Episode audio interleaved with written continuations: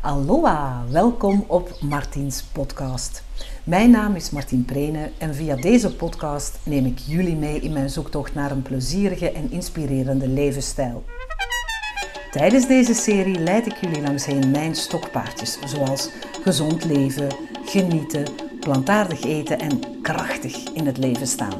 Tijdens deze serie laat ik jullie ook kennis maken met een paar straffe en inspirerende vrouwen. Hopelijk doen ze ook iets met jullie en beleven jullie een paar interessante luistermomenten met Martiens podcast.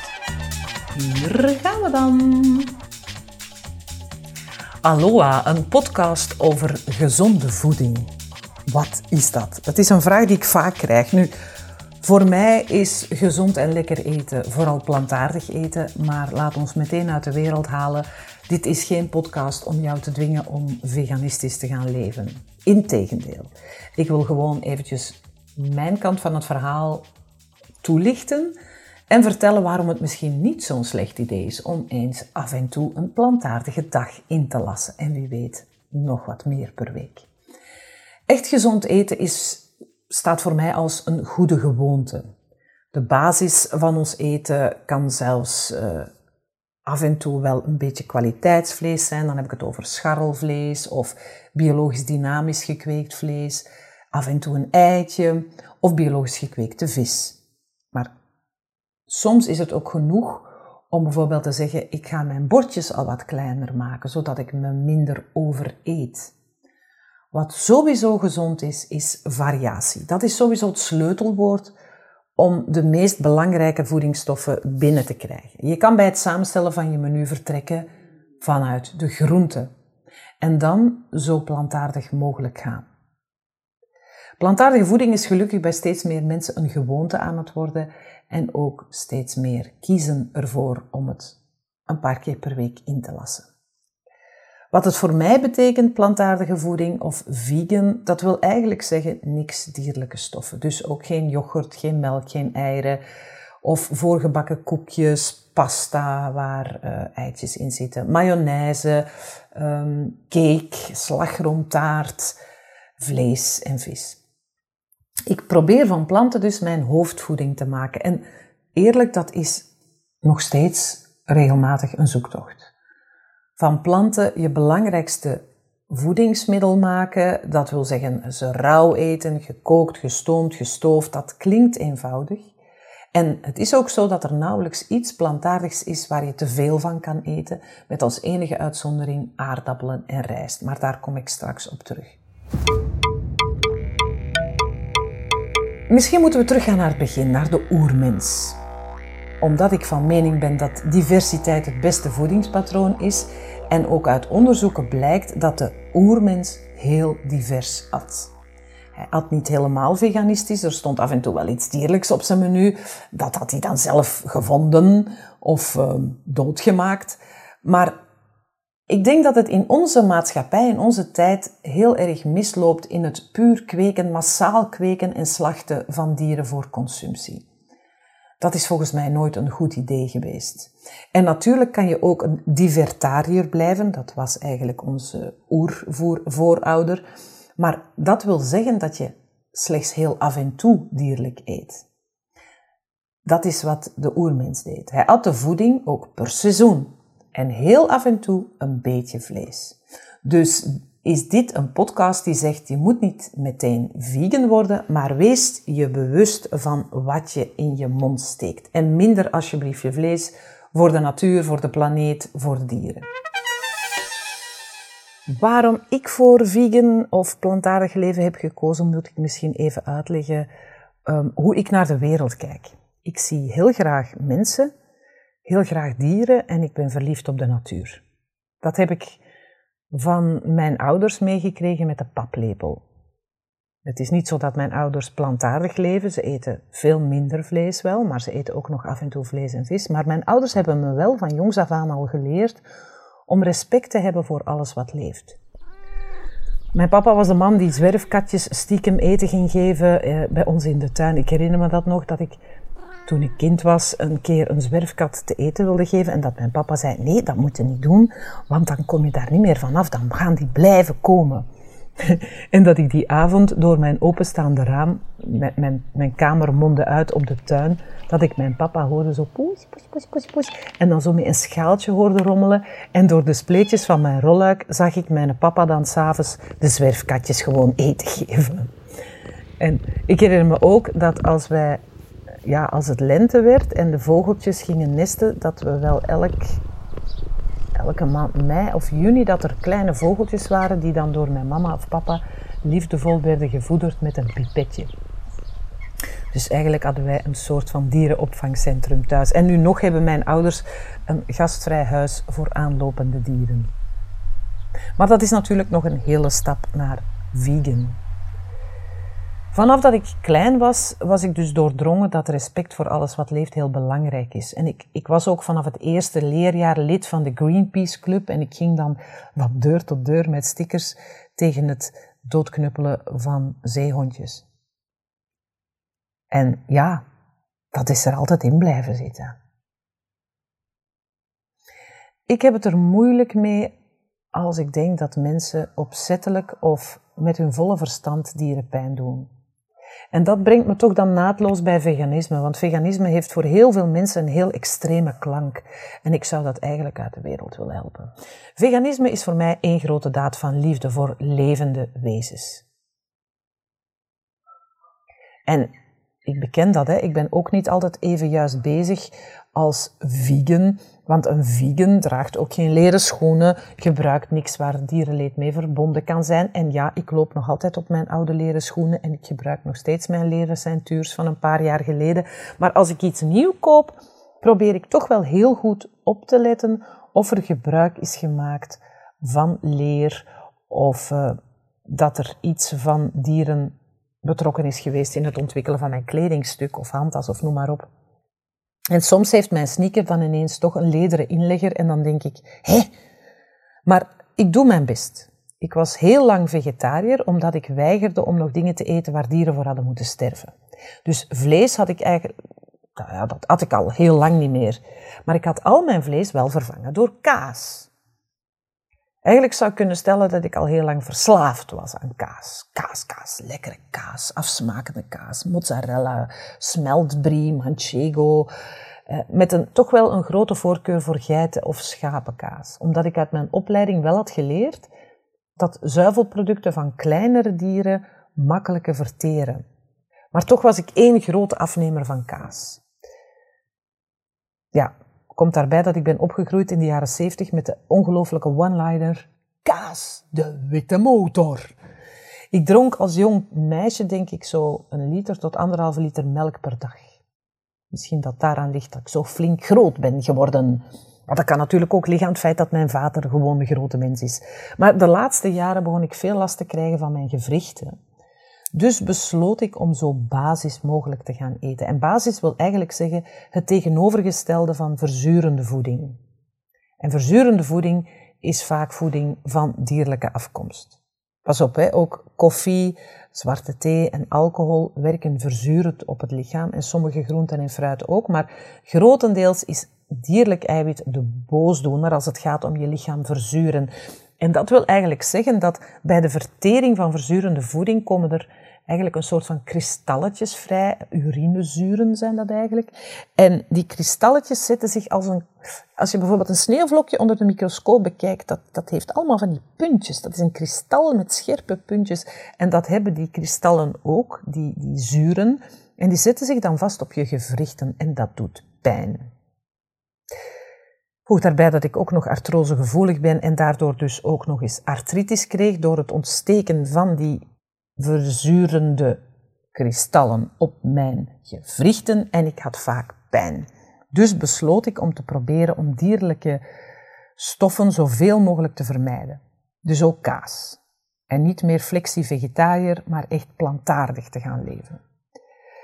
En ik ben daarmee begonnen toen ik op reis ging naar Spanje, om daar te leren vegan koken. Want ik dacht, dat is toch een exotische manier van eten bereiden en daar moet ik toch serieus wat kennis voor hebben voordat ik dat onder de knie krijg. Nu, tijdens die week kregen wij ook geen koffie en geen dierlijk eiwit dus, ook geen kaas. En de eerste twee dagen was dat voor mij echt afkicken. Lees, ik liep dus uh, met een heel korte lont rond, omdat ik geen tas koffie kreeg. Maar, maar wat schetste mijn verbazing? Op een bepaald moment, ik denk de derde nacht, was ik op toilet en ik zat op die wc en ik dacht, hoe ben ik hier geraakt? Want het afgelopen anderhalf jaar, als ik s'nachts naar het toilet ging, liep ik op de zijkanten van mijn voeten, omdat de onderkant van mijn voeten zo'n pijn deed. Mijn man moest s ochtends uh, altijd mijn voetjes masseren, anders kon ik er gewoon niet op staan. Dan liep ik precies op messen. Zo'n ontstekingen ontstaan dus sneller in een verzuurd lichaam. En daar zat ik dus op de derde dag s'nachts op de wc mezelf realiserend dat ik zonder pijn gewoon naar het toilet was gewandeld, zonder pijn in mijn voeten. Ik was zo blij. Ik vond dat zo'n fenomenaal resultaat. En dat was eigenlijk de reden dat het voor mij heel makkelijk was om vanaf toen de, keuze te maken naar liefst geen dierlijk eiwit meer. Dus sindsdien ben ik gewoon gestopt met dierlijke dingen te eten, buiten af en toe is een uitschuiver, en ben ik zo goed als pijnvrij. Nu, ik geef toe als ik een paar glazen rode wijn heb gedronken, wat ik nog steeds erg lekker vind, en dat is trouwens gezond, twee glazen rode wijn, zitten heel veel antioxidanten in, dan heb ik eh, de dag erna stijve vingers die ik moeilijk kan plooien en dan heb ik ook weer wat pijn onderaan mijn voeten. Want ja, ik beken af en toe ben ik eventjes geen goede vegan. Zoals uh, de dag na mijn zoons verjaardag onlangs. Mijn zoon wilde barbecue voor zijn verjaardag. En ik had bij de biologische slager de nodige kippenburgers, worstjes, satéetjes en zelfs een rosbief besteld. Niet voor mij, want voor mij lag er een, eh, een bofkipburger op. En omdat ik bij gevogelte heb ik nog altijd iets minder last van het gevoel van oei, dat is zo zielig. Alhoewel, ja, een kip lijdt ook, hè. Ja, enfin. Maar die dag had ik dus eh, veel kip gekocht voor op de barbecue. En de dag erna had ik nog vier kippenburgers over. En ik dacht, ah, ik bak die even op voor mijn man en ik. Zoon zat bij zijn lief. Dus uh, ik denk, ik eet dat op. Dat kan geen kwaad. Is een keer een kippenburger, dan heb ik nog eens een keer de stoffen binnen die er niet in planten zitten. Wat eigenlijk flauwekul is. Maar blijkbaar hadden die burgers toch net iets te lang niet gekoeld gelegen. En mijn vrij zuivere lever, die goed reageert op troep, omdat ik dus uh, weinig troep eet, grotendeels plantaardige voeding, die reageerde nogal heel snel op die hamburger waar een uh, geurtje aan zat. Ik heb dus de hele nacht op de pot gezeten met een emmer op mijn schoot en de dag daarna nog van dat. Letterlijk veranderd in een soort van Griekse tragedie, zittend als een schotelvot op de wc, mijn haar plakkend tegen mijn hoofd, want ik had ook nog eens hoge koorts, dus alle symptomen van een vergiftiging. En ik heb daarna nog, en tijdens ook nog daarover zitten lezen, een voedselvergiftiging komt eigenlijk uitsluitend voor bij dierlijke voeding. Alleen plantaardige voeding, laat ons zeggen, daar kan je niet zo ziek van worden. Dus ik vloog letterlijk en figuurlijk vettig uit een bocht. Dus ben ik veganist tot in de kist? Nee, ik geef toe dat ik als, als ik af en toe ergens op bezoek ben en er wordt me een stuk slagroomtaart aangeboden, dat ik daarvan smul. Mm, en af en toe eet ik dus nog een stukje biologisch dynamisch eh, vlees of biologische vis. Zeg nooit nooit, want ik ben van mening dat zelfs één vegan dag per week al een gigantisch verschil maakt. Voor de planeet, maar vooral ook voor het dierenleed. Sowieso rood vlees, jonge dieren en varken zijn dingen die ik niet eet. Maar onlangs zat ik dan bij vrienden voor een heerlijke brunch, inclusief ex-Benedict, van hun eigen eitjes, van hun kipjes, met gerookte biologische zalm op toastbrood met boter. En dat heeft mij gesmaakt. Jawel, boter is lekker. En als je ervan houdt, kan ik je als dierenvriend en gezondheidscoach aanraden om voor grasboter te kiezen. Want in de boter van buitengrazende koeien zitten veel meer voedingsstoffen. Daar zit gezond boterzuur in. En er staat een toch iets blijere koe achter die niet binnen in de stal moet staan, maar buiten mocht grazen. Zo, grasboter kan je herkennen, dat staat op het etiket dat het komt van koeien die buiten hebben gegraasd. En in de Nederlandse supermarkten staat er zelfs gewoon grasboter op. Maar toch wil ik iets zeggen over het eten van gezonde voeding. Er is namelijk geen makkelijkere manier om schadelijke stoffen binnen te krijgen dan via je voeding.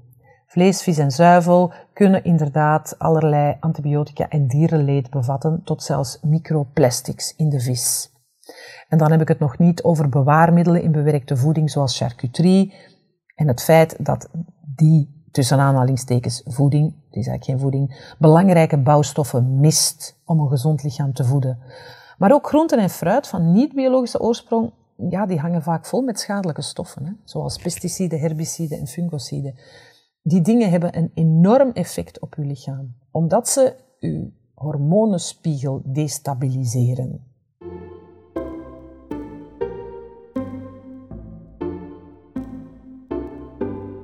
Nu volgt even een klein, kort, ingewikkeld stukje. Dit kan je nog even terugspoelen als je wilt, maar ik ga toch proberen het uit te leggen. Xenoostrogenen, dat is niet alleen een geweldig woord om Scrabble mee te spelen en te winnen, maar het staat voor xenobiotica. Dat is antibiotica die je binnenkrijgt via je voeding, natuurlijk ook via medicijnen en water, maar ook via je voeding. En dat is voor ons lijf een ware gruwel, omdat xenobiotica, of xenoostrogenen, dat is iets wat ons lichaam niks mee kan. Dat kent dat niet, dat herkent dat niet en ons lichaam raakt daardoor uit balans, waardoor de meest voorkomende klachten voorkomen, zoals, hier volgt een lijstje, vermoeidheid, vochtopstapeling, vochtopstapeling polycysteus ovariumsyndroom, ofwel kisten op uw eierstokken, PMS, slaaploosheid, stemmingswisselingen, hoofdpijn, haarverlies, depressie, endometriose, vleesbomen, slecht functionerende schildklieren, laag libido, ja, die ook. En dat die dingen, die xenobiotica, dus een heel ongelukkig mens van je kunnen maken. Xenoostrogenen vind je full force terug in pesticiden en herbiciden en zit ook in dioxine. En dat is vet van niet-biologische zuivel. En vet van niet-biologisch vlees. En dan is er ook nog de vis. Daar zit dan, dan ook wel allemaal troep in die dus in de zee terechtkomt. Eh, en dan hebben we het vooral over plastics waar dan allerlei chemische troep aan blijft plakken als waren het magneetjes. En die visjes eten dat op.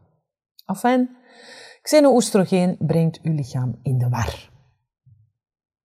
Weet je wat ook?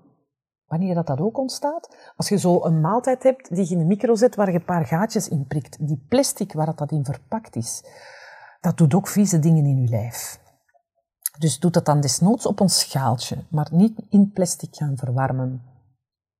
Voor mij is biologische voeding dus heel belangrijk, omdat het meer vitaminen en mineralen bevat, maar ook salvestrolen die jouw lichaam gaan beschermen. En het komt voort uit propere landbouw. Het krijgt tijd om te groeien en te bloeien en het bevat echt veel meer goede voedingsstoffen. In een biologische broccoli zit bijvoorbeeld vier keer meer ijzer dan in een niet-biologische broccoli. Biologisch is ook ja, het is gezonder, maar het is ook lekkerder. Probeer zo maar eens een... Ken dat zo'n komkommer? Zo, die op water is gekweekt, waar je zo precies mee kunt rondzwieren zonder dat het breekt. Of een echte biologische knakkende... Als je breekt, knakt die. Uh, komkommer. Dat is een groot verschil. En biologisch is natuurlijk ook nog eens beter voor moeder natuur. Zelfs wetenschappers zeggen het. Het Faché-instituut voor ortomoleculaire wetenschap raadt bijvoorbeeld aan om zoveel mogelijk biologisch te eten, zodat je minder gif binnenkrijgt. En oké, ik hoor jullie al denken, ja, hallo Martin Prenen, weet je wat dat allemaal kost? Inderdaad, het kost veel meer geld. Dus als het niet praktisch of financieel haalbaar is om alles biologisch te kopen, dan kan je één alles ook heel goed wassen. Met een borsteltje en zeep. Zo niet even met je een appel over je broek wrijven en oh ja, het is oké. Nee, echt goed afwassen. Of je kan de keuze maken om eens te kijken naar de lijst die elk jaar wordt uitgebracht van de Dirty Dozen en de Clean 15. De Dirty Dozen zijn de 12 risicovolle producten en de Clean 15 zijn de 15 producten met minder residu's op. En elk jaar verandert dat een beetje.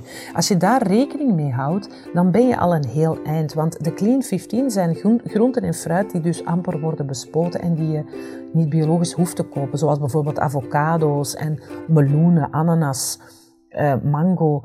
En ja, als je dat hoort, dat zijn vooral groenten met een dikke schil en fruit omdat die niet zo snel worden kapotgevreten door beestjes. Daarom dus ook minder bespoten. Maar bessen en aardbeien en schatjes van patatjes, die horen bij de Dirty Dozen.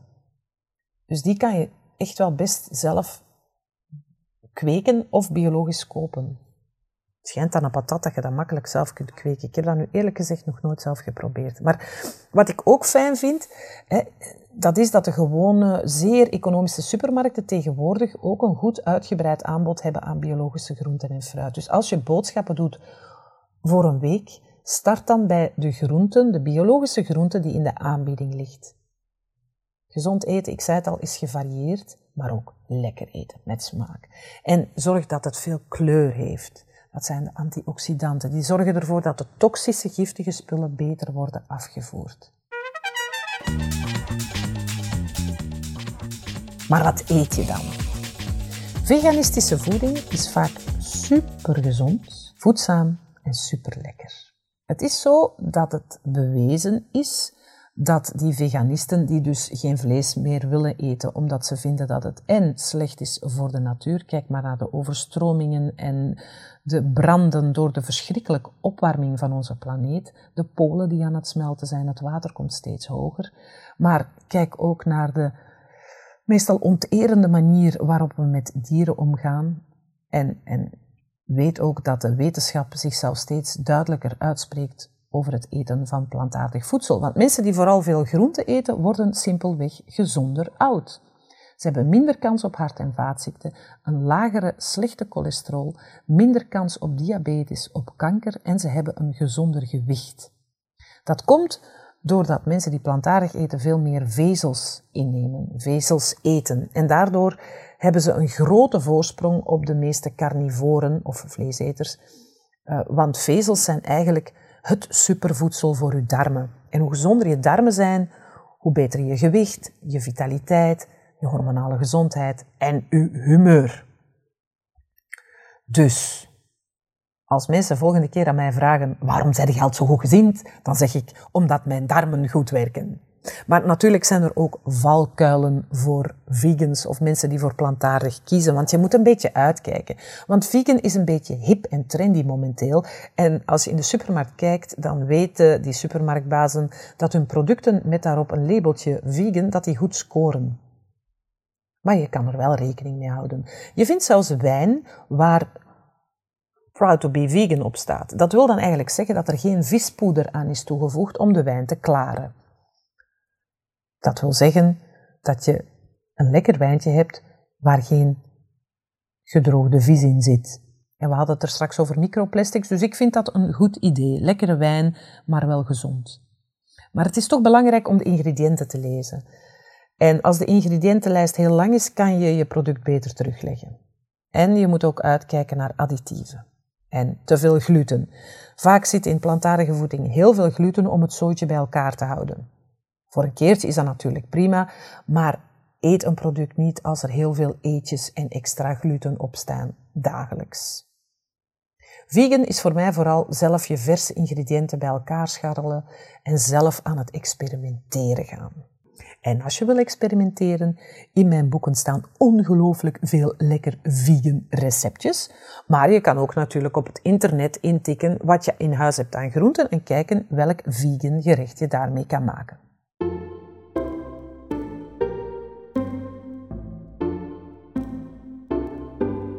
Bonen en pulvruchten, dat zijn hele goede vleesvervangers. Wissel af met linzen, kikkererwten en weet ook dat je met kikkererwten de lekkerste hummus kunt maken.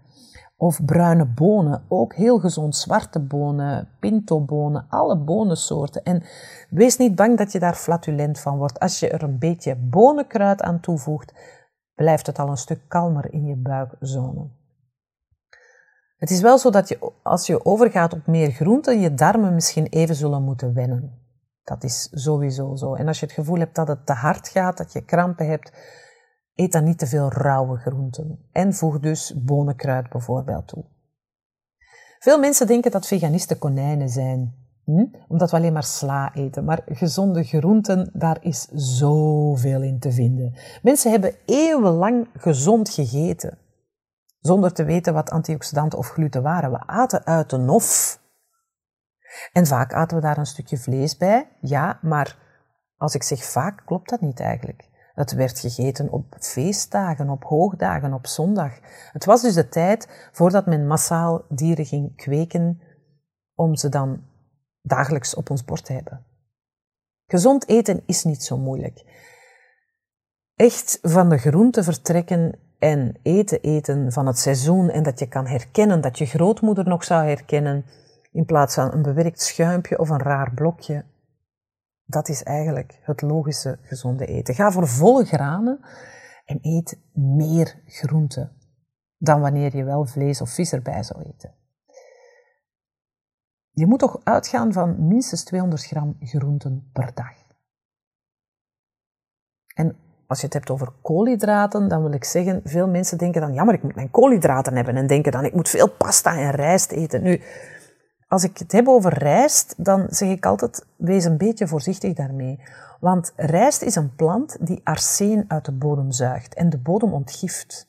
Ook in wilde en bruine rijst zit dus arseen. In basmati rijst iets minder. Dus rijst in grote hoeveelheden kan je best vermijden. En als je rijst gebruikt, was hem dan eerst onder stromend water. Kook hem met veel water, waarvan je dan het meeste terug weggooit.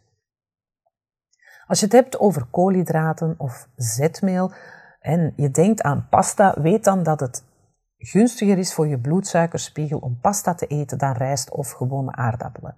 Ik zou dan zeggen, ga voor donkere pasta, liefst van boekweit, van volkoren spelt of bulgur of kamut. Dat zijn zo van die oude granen. En ja, die zijn heel lekker, die zijn al dente en die geven je ook een goede vezelrijke basis. Maar ik ben ook wel fan van de bataat of de zoete aardappel. Pof die en vul die met lekkers. Ik ga bijvoorbeeld vanavond gepofte zoete aardappel eten met daarin een gehakt, een vegetarisch gehakt van de plantaardige slager. Ja. Daarbij doe ik dan um, chilietjes, chilischijfjes. Um, dat gehakt heb ik gebakken in een beetje look en uitjes. En daarover doe ik dan haverroom en dan een beetje geraspte vegan kaas. Ja, vegan kaas vind je nu ook. Er is zo'n merk, Violife heet het. Dat verkopen ze bij de meeste, uh, bij de meeste supermarkten. En dat vind ik heel lekker. En dan zet ik dat eventjes onder de grill. Ik laat dat smelten. Dat is mega lekker. Nog even over zuivelvervangers en vleesvervangers die zijn al helemaal ingeburgerd en nu begint men ook kweekvlees te maken. Dus kweekvlees is, dat is zelfs ontdekt door een Nederlandse hoogleraar, dat is, um, dat is eigenlijk cellen die worden afgenomen bij levende dieren zonder dat die dieren hoeven te lijden of te sterven. En daar maken ze dan clean meat of proper vlees van. Proper vlees, want er is geen dier voor gestorven, er is minder water voor nodig, minder land en er worden geen chemicaliën of mest gebruikt. Dus dat is ook niet slecht, hè? Er kan nog een reden zijn om vegan te worden en dat is uh, de ecologie. Als je het niet voor de dieren doet, dan doe je het voor de planeet. Als je vegan bent of veganer gaat eten, dan eet je sowieso al ecologischer. Maar hou er wel rekening mee dat je ingrediënten soms van wat verder komen. En kijk dan hoe ze naar hier zijn gebracht. Ik gebruik bijvoorbeeld om mijn eh, eten in te bakken uh, olijfolie of kokosolie. En de kokosolie die ik gebruik is van Amanprana. En die laten dat in bulk per boot naar hier brengen. En dat heeft toch wel een grote impact op de CO2-uitstoot nog. En het is niet geplukt door aapjes. Dan zou je misschien denken, pardon, geplukt door aapjes. Ik vind de ecologische footprint belangrijk, maar ook ja, dat wat het met de dieren doet, wat het met hun uh, habitat doet. Veel kokosolie wordt geoogst uit kokosnoten die door slaafjes, aapjes uit de bomen is gehaald. Dat vind ik ook geen goeie. Dat doet Amamprana ook niet. Ja, let erop. Lees de etiketten. Ga voor fair trade, world trade. En weet dat als we het hebben over ecologie en over plantaardig eten, dat als je één dag plantaardig gaat, je al 15.000 liter water bespaart. Eén biefstuk staat gelijk aan 50 badkuipen vol water. De Verenigde Naties hebben de veehouderij trouwens bestempeld als de belangrijkste speler in het toenemende waterverbruik en de waterverontreiniging. En dieren die voor voedsel worden gehouden, die maken tien keer zoveel uitwerpselen als de hele mensheid tezamen. Dat komt dan allemaal in onze waterwegen terecht. Dus ja, je kunt dus zonder probleem een goed badje nemen en meermaals per week zonder schuldgevoel als je plantaardig leeft. En plantaardig leven weten dus, hè, ik ben geen konijn. Ik hou van exotische schotels. Ik ben verzot op Indische curry's, Mexicaans gevulde tortillas en taco's en een hele salontafel vol met tapakjes. Als ik knappel, dan, en ik knabbel heel graag, dan dip ik mijn taco chips of mijn groentechips in een guacamole of in een vegan kaassaus of in een walnotendip. Die recepten staan trouwens allemaal in mijn boek Forever Young. Ik ben dus een knabbelaar. En ook als ik zit te schrijven, dan ben ik van de graai in een bakje zo. Hè? En daar zitten dan uh, blokjes fruit in, kokosnoot, watermeloen. Dat is momenteel mijn favoriet. Of heel veel van die zure rode bezekjes. Maar ook noten, die zijn heel lekker en gezond.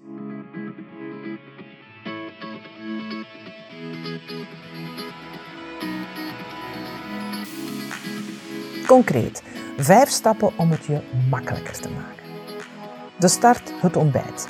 Begin met een volwaardig ontbijt en dat hoeft echt niet veel tijd te kosten.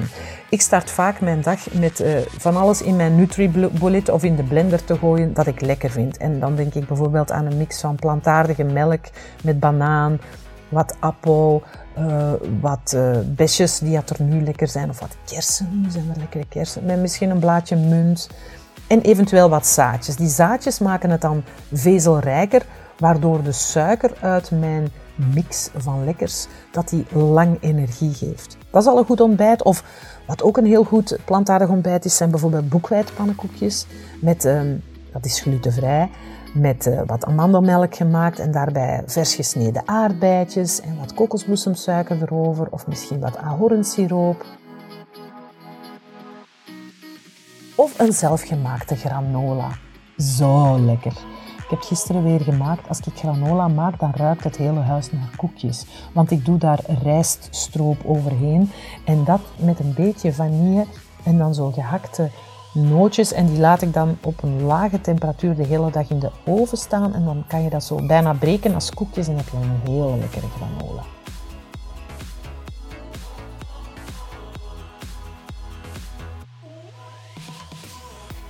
Stap 2. Eet lokaal en seizoensgebonden. En vooral weet wat je eet. En ook waar het is geweest. Dat is de reden waarom heel veel mensen nog massaal charcuterie op hun boterham leggen.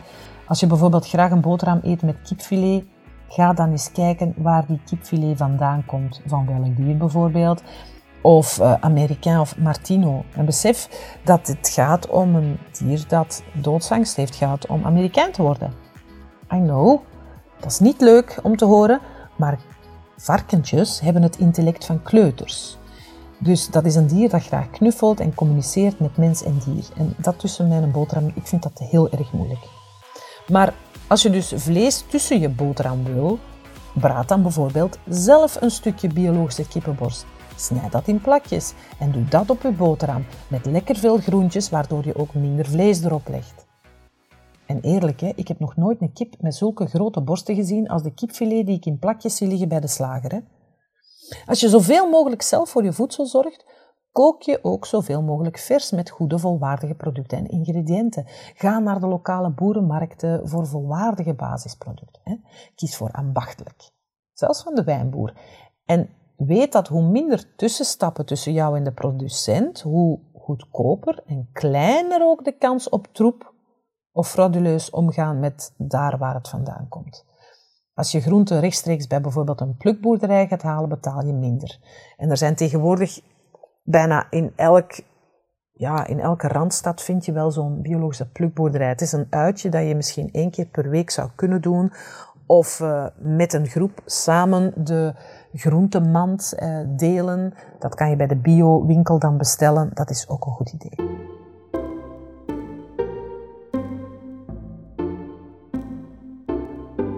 Stap 3.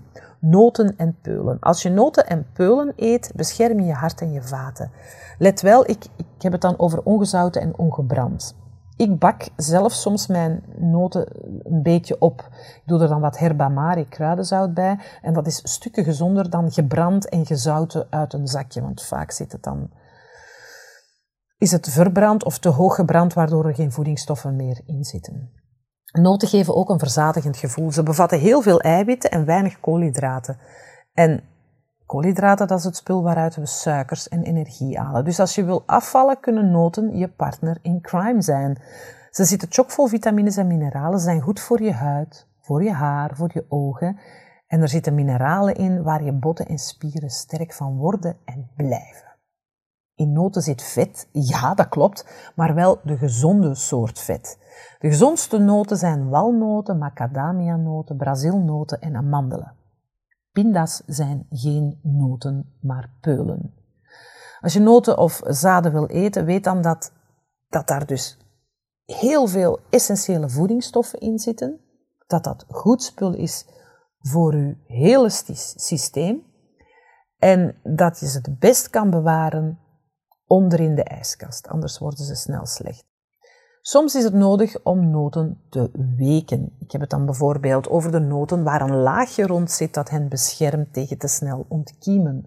Als je ze gaat weken, komt dat laagje eraf en zijn ze makkelijker verteerbaar. Gooi wel het weekwater weg natuurlijk. Ik doe dat met mijn cashewnoten, met mijn amandelen, omdat ja, dat laagje dat er rond zit, dat zorgt er eigenlijk voor dat je de stoffen die erin zitten, die goede stoffen, niet kan opnemen. Dus vandaar dat ik ze laat wellen. En je kan ze ook zo uh, na een nacht wellen uh, gebruiken, want dan zet je eigenlijk het natuurlijke kiemproces in gang. En daardoor verteren ze beter, smaken ze ook zoeter. Maar tezelfde tijd is het ook een makkelijke bijvoorbeeld om het zo te bewaren enkele dagen in de ijskast. Dus je hebt ze geweekt, hebt het weekwater weggegoten, je doet er nog wat water over, zodanig dat ze net onder water staan. En zo kan je ze enkele dagen bewaren in de ijskast. Onder water dus. Als je ze nog langer wil bewaren, kan je ze opnieuw drogen in een oven. Als je bijvoorbeeld iets in de oven hebt gebakken en je zet hem daarna op 30 graden en je laat hem zo de nacht op 30 graden. En dan leg je daar je nootjes in en dan worden ze wat krokant en droog. En dan kan je ze toevoegen aan je salade. Ze zijn dan al geweekt, dus dat laagje is eraf.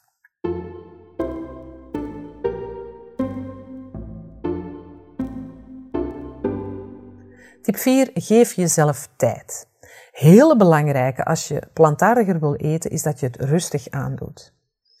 Dus als je voor vegan gaat kiezen, of af en toe vegan, of uh, rauwe groente en fruit wil eten, Weet dan ook dat dat een zuiverende functie heeft en dat je lichaam daaraan moet wennen. Je lichaam gaat ook een beetje ontgiften. En de stoffen die niet thuis horen in je lichaam eruit gaan werken. Dat kan dus zorgen voor wat kramp of wat hoofdpijn. Probeer goed veel water te blijven drinken. En als je dus moeite hebt om te verteren, kan je je groenten een beetje stomen of eventjes uh, verwarmen, waardoor je ze makkelijker zal verteren. Maar geef je lichaam dus tijd, dat is heel belangrijk. Tip 5, de voorraadkast. Ik heb er onlangs nog een filmpje over gemaakt over mijn ijskast en wat erin staat. Dat kan je terugvinden op Martien Minuutjes op YouTube en ook op mijn site onder Martien Minuutjes filmpjes. Maar hoe begin je eraan om uh, ja, een gezonde voorraadkast aan te leggen? Als je wat voorraad in huis hebt, hoef je namelijk alleen nog maar verse groenten en fruit aan te kopen om lekkere maaltijden op tafel te toveren. Daarom wil ik dan toch een lijstje meegeven. Ik zal dat ook in de beschrijving bij deze podcast zetten, maar ik ga toch even al zeggen. Denk aan goede vetten zoals kokosolie, olijfolie. Denk aan plantaardige melk zoals havermelk, kokosmelk, uh, amandelmelk. Dat zijn echt goede. En hou die in je voorraadkast. Vanaf dat je ze hebt geopend, die plantaardige melk, zet je die natuurlijk in je koelkast. Daar zet je ook je notenpasta's, je amandel, je sesam, je pindakaas. Weet je wat heel lekker is?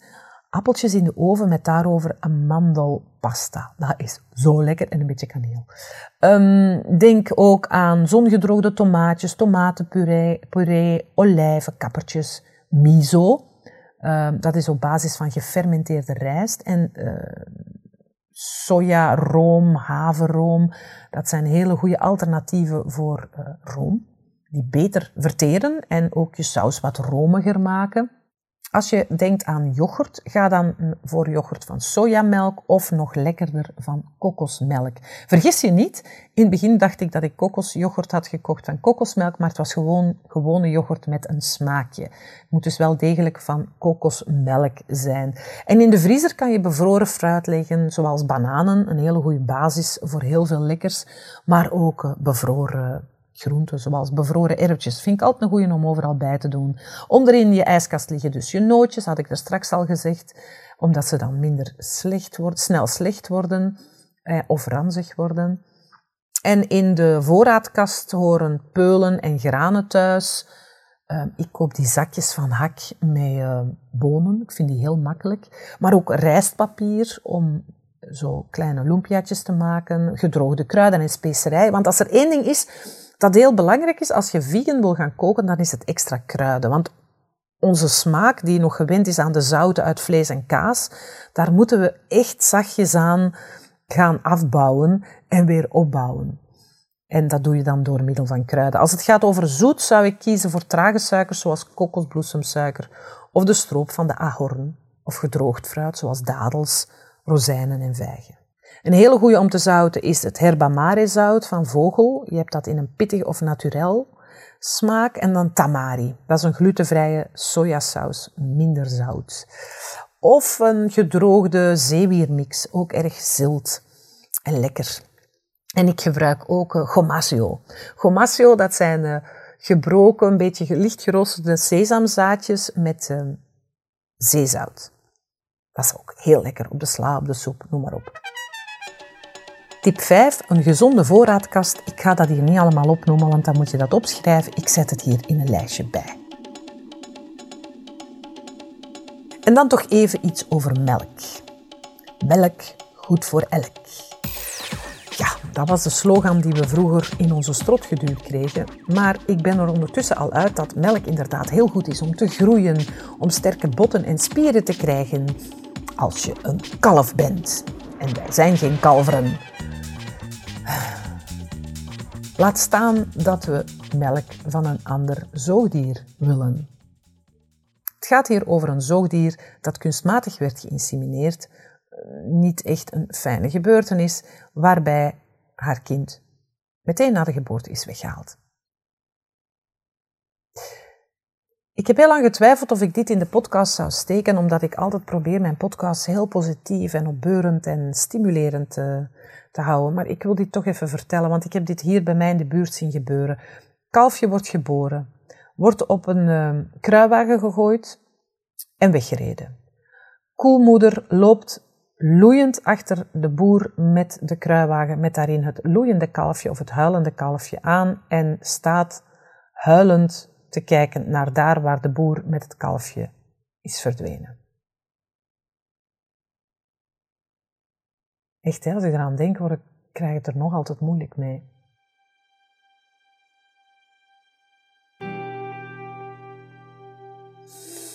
Als zo'n kalfje een stiertje is, dan wordt het binnen een paar dagen afgevoerd naar de vetmester, waar het in een hok staat. Poedermelk uit een emmer krijgt met een, een rubberen speen eraan. En die voeding die het krijgt is deels verarmd, minder ijzer, omdat je dan schone witte kalfsworst op je boterham kunt leggen. Sorry, ik moet even zeggen, maar ik eet dus echt geen babyvlees. Dat heb ik nooit willen doen. De koe die gaat naar haar, na haar eerste worp echt dagenlang loeien om haar kalf. Als dat kalfje trouwens een koetje is, dan rest haar hetzelfde lot als haar moeder als ze wat groter is. Maar weet dat een moederkoe een gigantisch sterk moedergevoel heeft en dat ze dagen, weken om haar kalf treurt. En dan hebben we het nog niet over de kalfjes die oh zo schattig bij het bezoek aan de kinderboerderij aan uw hand sabbelen. Die sukkeltjes zijn op zoek naar hun moeder, moederborst of de uier van hun mama. Ik wil daar dus niet aan meedoen en ik wil het toch een beetje mee uitdragen. Omdat heel veel mensen denken dat voor zuivel dat dat niet zo erg is. Daar moeten geen dieren voor afzien. Dat dacht ik vroeger ook. Maar Koeien loeien niet omdat ze de boer eh, willen lokken en het zo leuk vinden dat hij daar is. Koeien loeien om te communiceren met hun kleintjes en elkaar. En het blijft een feit dat koeien geen melk geven als ze niet zwanger zijn geweest en dat de melk die geschikt is voor hun kind wordt afgetapt voor mensen. We zijn trouwens de enige soort hè, die melk drinken van een andere soort. Koeien moeten dus elk jaar zwanger zijn. En kalfjes worden direct bij hun moeder weggehaald en opgefokt voor kalfsvlees of opvolging van hun moeders als melkkoe. Na vijf jaar wordt de melkkoe geslacht, omdat ze dan niet meer genoeg melk produceert. En dat gebeurt trouwens ook in de biologische zuivelindustrie. Normaal gezien wordt een koe drie tot vier keer zo oud. Weet ook dat een koe bij haar tweede worp al minder lang zal loeien en bij de derde of vierde veranderd is in een zombie en amper nog een kick geeft.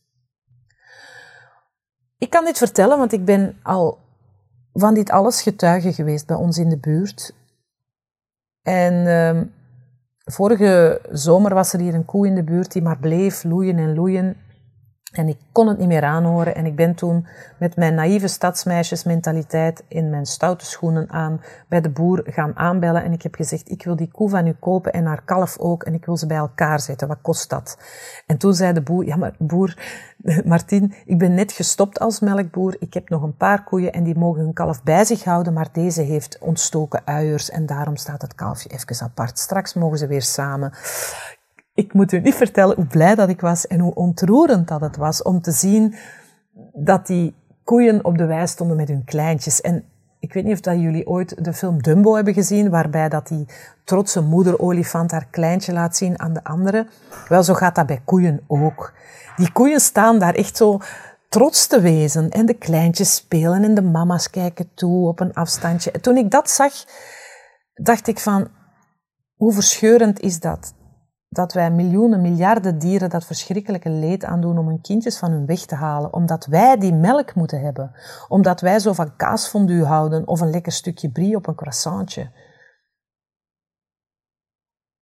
Dus voor mij niet meer. En ik hoop dat ik jou misschien toch een bepaalde, een bepaalde bewustzijn heb meegegeven hierdoor.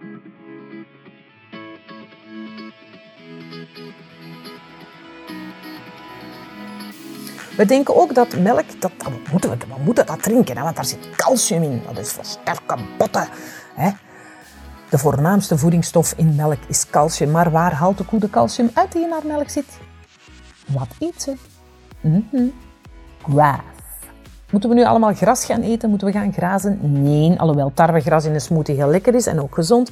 In groene groenten zit heel veel calcium. Donkergroene groenten zoals boerenkool, spinazie, fruit en zaden zit voldoende. Dan hoef je geen melk meer te drinken. Zorg wel dat je aan 200 gram per dag komt. Eet je minder, dan is het nodig om een vervangend product te gebruiken, zodat je geen tekorten krijgt. En ik weet dat er over de hele wereld genoeg mensen zijn die nooit melk drinken en ondanks dat kerngezond zijn en sterke botten hebben. Nu, er zijn zelfs verbanden met borstkanker en melk drinken, maar daar ga ik hier niet over uitweiden. Zoek het op. Even over de plantaardige dranken. Amandeldrank is heel lekker romig. Het schijnt het meest te lijken op moedermelk, dus het is een goede voor peutertjes. Heel lekker in baksels, zoals in pannenkoeken. Kokosmelk is lekker in exotische gerechten en curry's.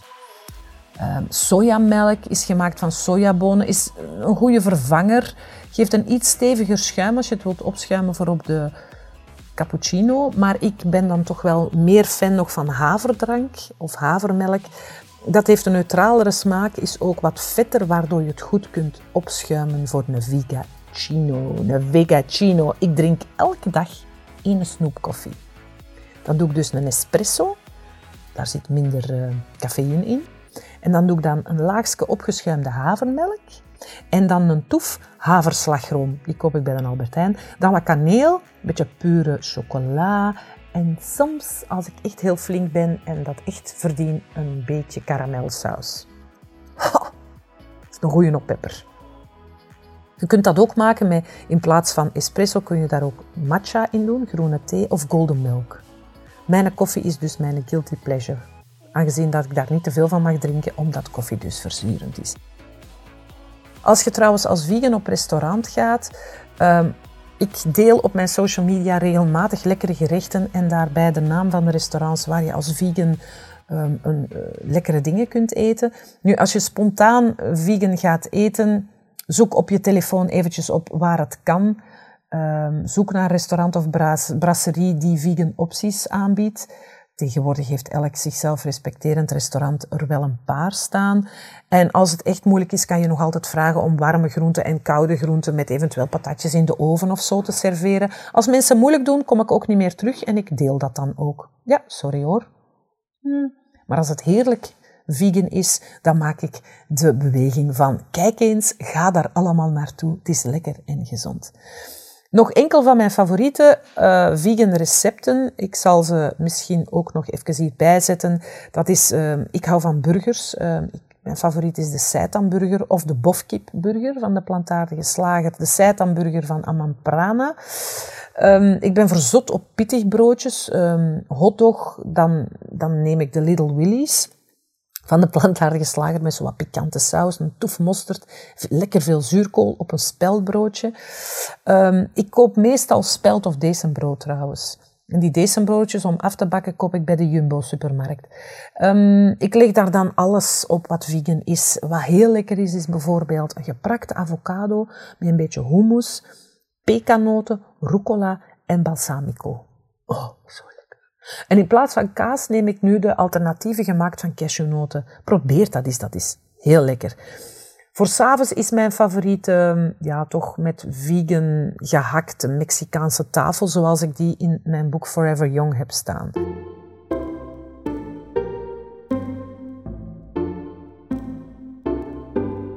Om af te sluiten, en daar zit misschien iedereen nu al een uur op te wachten, maar ja, kijk, uh, ik wilde jullie zoveel vertellen, want dit is eigenlijk echt een podcast die uit mijn buik komt. Ik zit hier maar te vertellen en ik zie nu op mijn telefoon dat ik al een uur aan het babbelen ben, dus ik zal het maar afsluiten. Je hoeft niet van de ene op de andere dag eh, helemaal plantaardig te gaan. Hè. Dat raad ik niemand aan. Ga langzaam. Begin eens met een dagje veggie of een dagje vegan. Bespaar zo op je budget en op je gezondheid en bouw zachtjes af. Ik raad je aan om je bloed na een paar weken te laten checken door een orthomoleculair arts of toch een bloedonderzoek waarbij al je waarden worden nagekeken. Omdat vegan ongezond is? Nee, het is voor mij ook een zoektocht geweest van ongeveer een jaar om de juiste balans te krijgen in de voldoende voedingsstoffen. Om mijn lichaam goed te voeden en mijn weerstand en energie optimaal te hebben. Dus in het begin had ik een lager ijzerniveau en mijn vitamine B12 was niet goed. En ik heb dat met supplementen moeten aanvullen. En dat is ook helemaal niet erg. Want weet dat je energieleverende voedingsstoffen nodig hebt, dus koolhydraten, eiwitten en vetten. En de niet-energieleverende voedingsstoffen, de micronutriënten, vitamine, mineralen, dat zijn kleine regulerende stoffen in ons lichaam die energie geven, maar die er ook voor zorgen dat bepaalde processen in je lichaam goed plaatsvinden. Dus hè, als je dan ineens van dierlijk naar plantaardig zou overgaan, dat is misschien wat abrupt. Doe het zachtjes aan en zorg dat je voldoende eiwitten, calcium, ijzer, vitamine B12 en omega-3 binnenkrijgt. Want een, van de grootste misvattingen bij sporters is dat ze denken dat ze dierlijk eiwit nodig hebben voor energie en spiermassa. Sporters zijn vaak erg eiwit georiënteerd. Weet dat in één kopje linzen of een boterham met pindakaas, dat daar evenveel eiwit in zit dan in 85 gram rundvlees of in drie eieren. Hm? De eiwitbehoefte van veganisten is 1 gram eiwit per kilo lichaamsgewicht. Dus dat is makkelijk om uit te rekenen. En als je sport heb je meer nodig, soms wel twee keer zoveel aan eiwitten. Dus bereken uw eiwitbehoefte. Eet voldoende graanproducten, peulvruchten, zoals die bonen, die linzen, die kikkererwten en voldoende ongezouten noten. Verdeel uw eiwitinname trouwens over de dag. Neem dus eiwitten in uw ontbijt, in uw lunch en in uw warme maaltijd.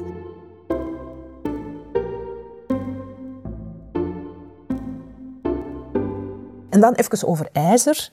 Een belangrijke, want ijzer komt voor in dierlijke producten zoals vlees, maar je hebt twee ijzervarianten. Je hebt heemijzer, dat is dus wat in vlees zit, en non-heemijzer. Ook even goed, maar moeilijker op te nemen. Je kan non-heemijzer goed opnemen als je er vitamine C bij neemt. Non-heemijzer zit bijvoorbeeld in een volkoren speldboterham. Als je daar wat aardbeidjes op legt, krijg je heel goed dat heemijzer van dat brood binnen. Zoek een keer op internet heemijzer en eh, non-heemijzer. Waar zit het allemaal in? Of ik zal hier ook nog even een lijstje bij zetten. Weet je wat? Ik maak hier gewoon nog een blogstukje over. Dan kan je dat goed nalezen op de blog. Calcium, 50% van de aanbevolen dagelijkse hoeveelheid haal je uit gezonde voeding. Met voldoende peulvruchten, noten, graan en groenten. En die kan je dan aanvullen met plantaardige zuivelalternatieven waar dan calcium aan is toegevoegd. Vitamine B12 is, vind ik, een hele moeilijke. Dat was voor mij de moeilijkste. Vitamine B12 komt eigenlijk nu in de moderne tijden alleen nog maar voor in dierlijke producten.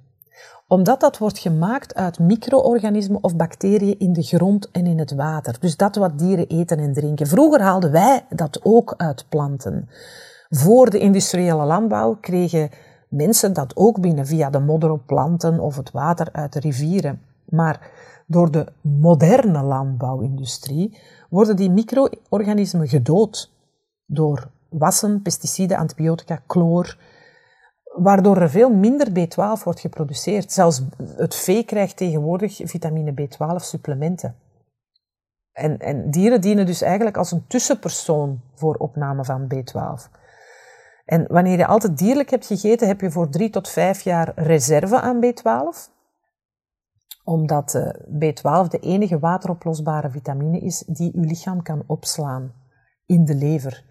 Dus een tekort ga je niet heel snel hebben, maar als je langdurig veganistisch eet, is het wel belangrijk om vitamine B12 in supplement te nemen. Als je zo'n zieltje bent, zoals ik, dat het niet kan opnemen op een supplement, dan heb je prikken in je billen nodig. Toen ik een half jaar vegan was, had ik al een tekort omdat ik het dus echt slecht opneem. En daarvoor dus waarschijnlijk ook slecht had opgenomen. En toen heb ik een eh, serie prikjes met vitamine B12 intramusculair gekregen. Niet leuk, maar ik kan er nu weer jaren tegenaan. Omega-3 denken heel veel mensen aan visvetzuur. Nu, daar zitten dus die zware metalen en die plastics in. Daarom adviseer ik producten als lijnzaad en walnootolie, die je niet mag verhitten. Ook lijnzaadolie niet verhitten. Zo, ik begin te struikelen over mijn woorden. Dat wil zeggen dat ik toch best wel al lang aan babbelen ben. Ik hoop dat ik je met deze podcast heb kunnen informeren en inspireren. Zodat jij misschien nu ook een vegan dagje in de week of een veggie dagje in de week wil inroepen en misschien wel wat vaker en wie weet straks ook zo goed als plantaardig wil eten. Let als je deze overgang maakt erop dat je als je blijft craven naar vlees of vis, dat er niks mis is met het af en toe ervan eten, maar weet waar het vandaan komt en kijk naar kwaliteit. Ik wilde met deze podcast vooral extra info geven over het stukje vlees op je bord. En als je dan nu toch meteen denkt, ik stop met vlees en vis, dan krimpt je ecologische voetafdruk met maar liefst 60%. En je zal sowieso 14 keer minder water nodig hebben dan voorheen. En dat is toch ook positief nieuws voor onze opwarmende planeet. I rest my case. Zo, ik hoop dat je hebt genoten van deze podcast. Als je op zoek bent naar nog meer inspiratie voor een gezonde en vooral ook prettige levensstijl, dan nodig ik je graag uit op mijn andere sociale platformen. De ingang daar naartoe kan je op mijn website www.martineprene.be terugvinden. En als je ze nog niet las, kan je misschien ook eens doorheen mijn boeken snuisteren en heet ik je van harte welkom op de besloten community Power Women by Martine op Facebook. See you soon!